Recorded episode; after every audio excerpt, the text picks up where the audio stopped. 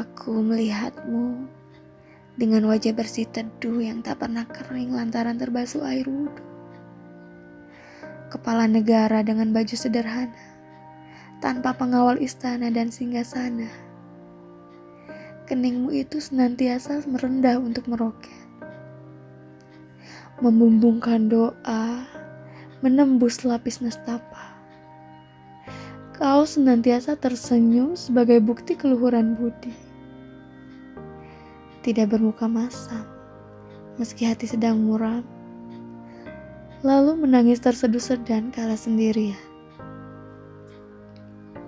Rindu, katamu, pada saudara jauh yang dalam hatinya jarang sekali tersemat namamu. Bersikukuh memegang cinta untuk dibagikan kepada umat manusia, meski nyawamu tebusannya terlahir sebagai yatim, lalu menjadi ayah bagi tiap yatim. Kecil sebagai piatu, tapi bisa memerankan diri sebagai ibu. Apa kabar? Gigimu yang tanggal di Bukit Uhud, juga kaki yang berdarah-darah di tanah Toif. Mengapa tak juga geram sementara malaikat memberikanmu kesempatan untuk membalas dendam. Meluluh lantakan para pelempar batu hingga rata. Toh mereka sudah berbuat sedemikian jahatnya. Tapi, bagaimana ceritanya hingga kau menyebut nama umatmu berkali-kali sebelum kau pergi? Sementara perut sampai diganjal batu di antara umatmu malah mengambil hak orang lain tanpa rasa malu. Pemimpin yang selalu sedia turun tangan, pelopor kesetaraan harkat derajat manusia, karena yang mulia hanyalah takwa. Sebagai penguasa kala itu, warisanmu meskinya tak ternilai angka, tapi yang kau tinggalkan jauh lebih berharga. Al-Quran dan As-Sunnah yang menjadi lentera bagi setiap manusia.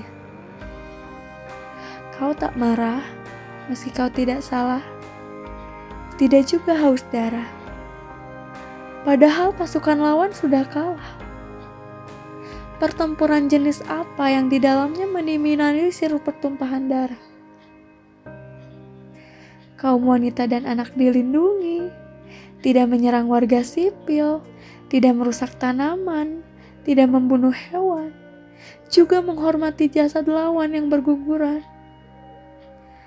Kau bahkan mengajarkan untuk bermurah hati kepada tawanan. Sepanjang hidup, enggan meninggalkan amanat dakwah, bahkan mengumpamakannya dengan ketidaksanggupan membawa kobaran api matahari. Hingga kemenangan ditakdirkan, atau jiwa yang melayang di atasnya.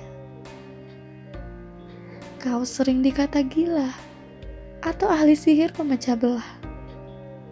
Bagaimana bisa tidak kau pilih harta, tetapi malah menjadi papa?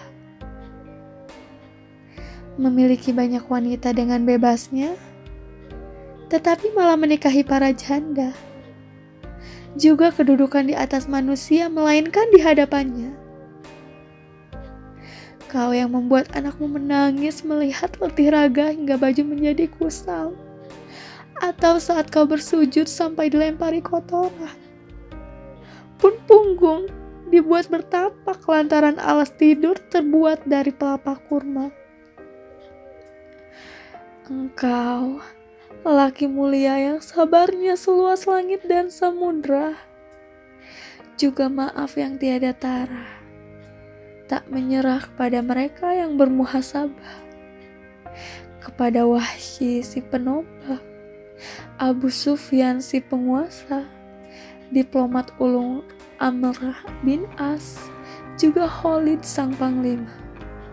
Tidak tergesa-gesa berbuat kepada orang Yahudi yang mencaci maki.